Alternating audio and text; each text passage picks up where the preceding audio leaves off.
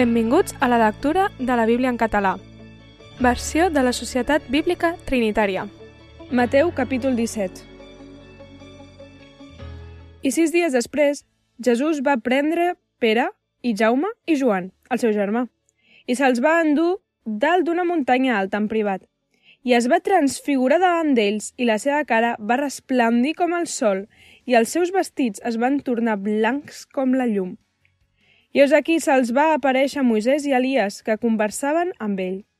I Pere respongué i digué a Jesús, Senyor, és bo per a nosaltres de ser aquí. Si vols, fem aquí tres cabanes, una per tu, i una per a Moisès i una per a Elias. Encara estava parlant quan de sobte un núvol lluminós els va cobrir. I heus aquí una veu des del cel que digué Aquest és el meu fill estimat en qui tinc la meva complaença escolteu-lo. I quan els deixebles ho van sentir, van caure sobre els seus rostres i els va agafar molta por. I Jesús es va tensar, els va tocar i digué, Alceu-vos i no tingueu por. I ells van alçar els ulls i no van veure ningú sinó Jesús sol. I baixant de la muntanya, Jesús els manà dient, No conteu a ningú la visió fins que el fill de l'home sigui ressuscitat d'entre els morts. I els deixebles li van preguntar dient, per què diuen els escribes, doncs, que Elias ha de venir primer? I Jesús respongué i els digué, Elias certament ve primer i restableix totes les coses.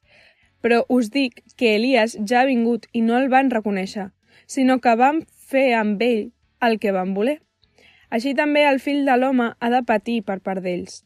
Llavors els deixebles van comprendre que els havia parlat de Joan el Baptista. I quan van arribar on era la multitud, se li atensà un home que es va genollar davant d'ell i li digué «Senyor, tingues misericòrdia del meu fill, que és llunàtic i sofreix terriblement, perquè sovint cau al foc i sovint a l'aigua.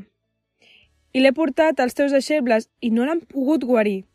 I Jesús va respondre i digué, Oh, generació incrèdula i perversa, fins quan hauré d'estar entre vosaltres? Fins quan us hauré de suportar? Porteu-me'l aquí. I Jesús el va reprendre, i el dimoni va sortir d'ell, i el noi restà guarit des d'aquell moment. Llavors van venir els deixebles a Jesús en privat i digueren, com és que nosaltres no l'hem pogut expulsar? I Jesús els digué, per la vostra incredulitat. Perquè en veritat us dic, si teniu fe com un gra de mostassa, direu a aquesta muntanya, mou-te d'aquí cap allà. I s'hi mourà. I res no us serà impossible. Però aquesta mena no surt, sinó en pregària i dejuni. I mentre ells anaven per Galilea, Jesús els digué El fill de l'home ha de ser lliurat a les mans dels homes, i el mataran, i el tercer dia serà ressuscitat, i es van posar molt tristos. I quan van arribar a Cafarnaum, els que cobraven el didracma van anar a Pere i li digueren «El vostre mestre no paga el didracma?» Diu «Sí».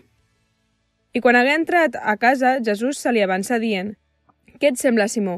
Els reis de la terra? De qui cobren els tributs o els impostos? Dels seus fills o dels estranys?» Pere li diu «Dels estranys». Jesús li digué, per tant, els fills no són lliures. Tanmateix, a fi de que no els escandalitzem, vés al mar, llança l'am i agafa el peix que surti primer, i quan li hauràs obert la boca trobaràs un estàter Pren-lo i dona'ls per mi i per tu.